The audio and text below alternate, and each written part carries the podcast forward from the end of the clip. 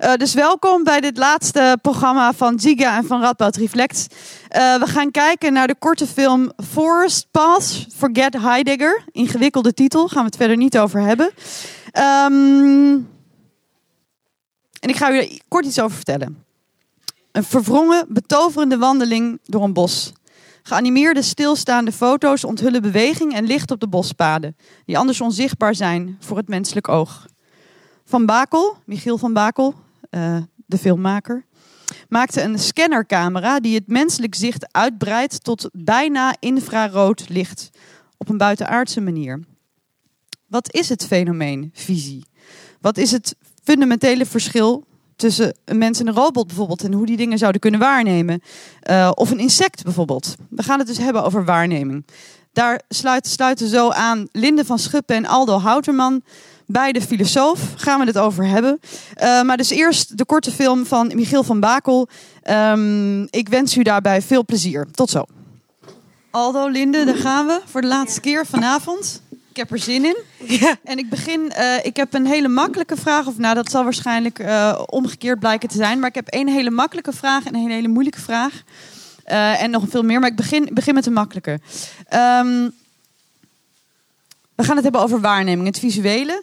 En um, ik, ik herinner me nog, ik denk nog voordat ik ook filosofie studeerde, meer zo'n zo'n zo'n ding waar je als kind mee bezig bent, dat je opeens afvraagt, maar zien andere mensen de wereld eigenlijk wel net als ik of specifieker? Ja, maar hoe weet ik nou zeker dat als ik rood zie, dat iemand anders ook rood ziet? Ik bedoel, kan het niet eigenlijk omgekeerd zijn?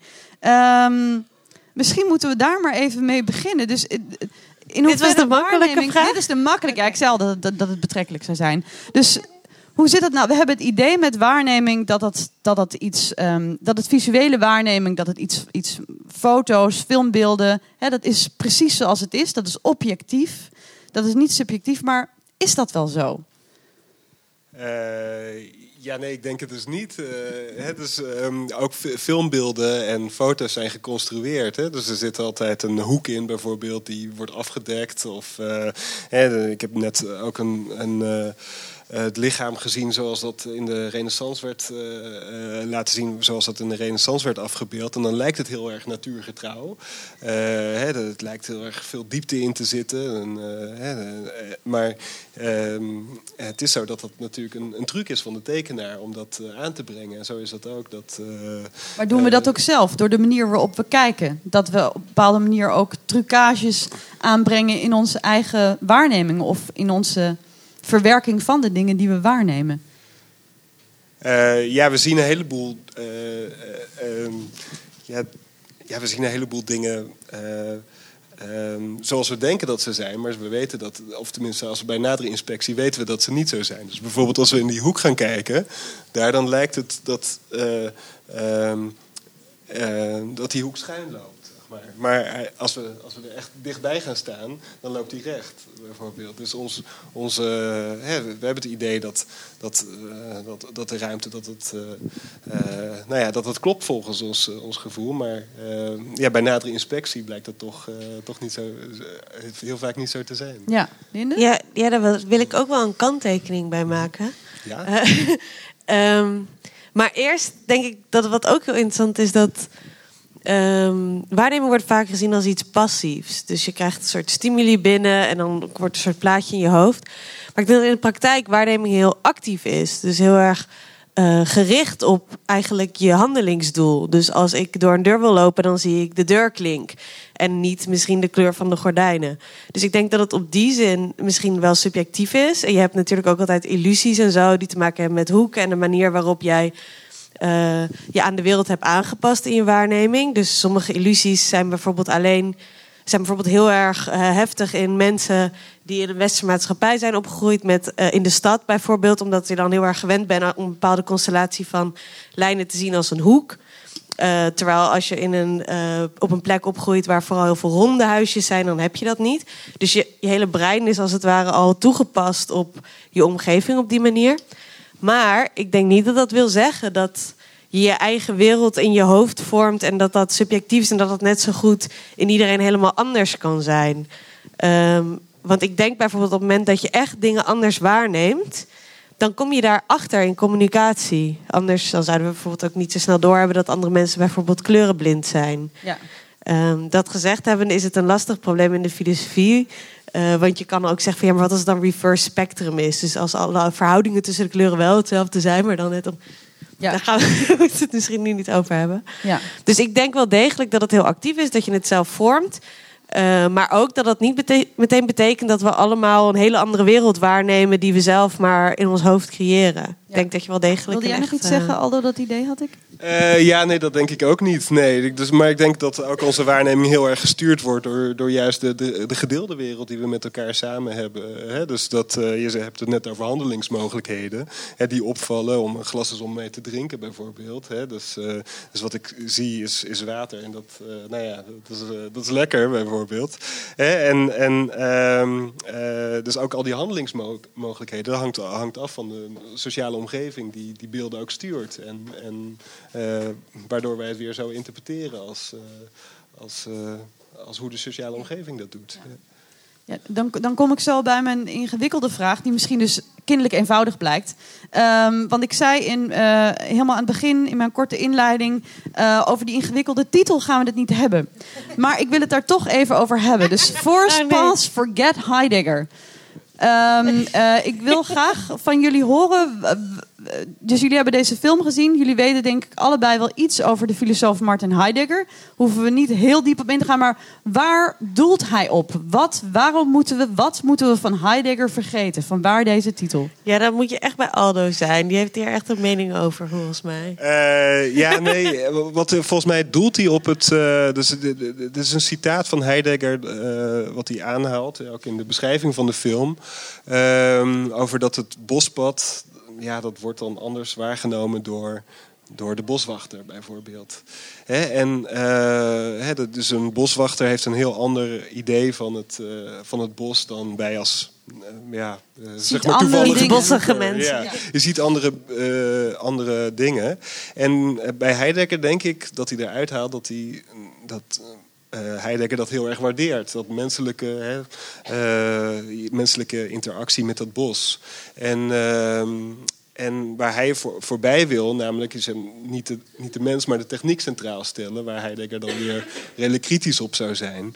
Maar ik denk juist eigenlijk dat. Uh, Sorry, hoe bedoel je de techniek nou, dus bijvoorbeeld uh, dus het niet-menselijke oog. Hè? Dus wat die camera's die hij uh, heeft gebruikt om juist een soort neutraal technisch perspectief. Maar die zouden dan objectiever zijn of neutraler dan de, de, de vervormende mens. Ja, ik, ik denk dat hij dat bedoelt dat we inderdaad. Nou ja, misschien in ieder geval moeten we die techniek gebruiken om beter naar dat bos leren, leren te kijken. Waar ik denk ook niet echt uh, iets is waar Heidegger iets op tegen zou hebben. Uh, maar wat wel heel erg uh, belangrijk is, denk ik, dat Heidegger ook. Hij heeft niet zoveel over visuele waarneming geschreven, maar er zijn wel veel volgelingen van Heidegger. Of de, bijvoorbeeld Merleau-Ponty, die heeft dan heel veel over waarneming geschreven. En ook Sloterdijk, die ik net heb aangehaald.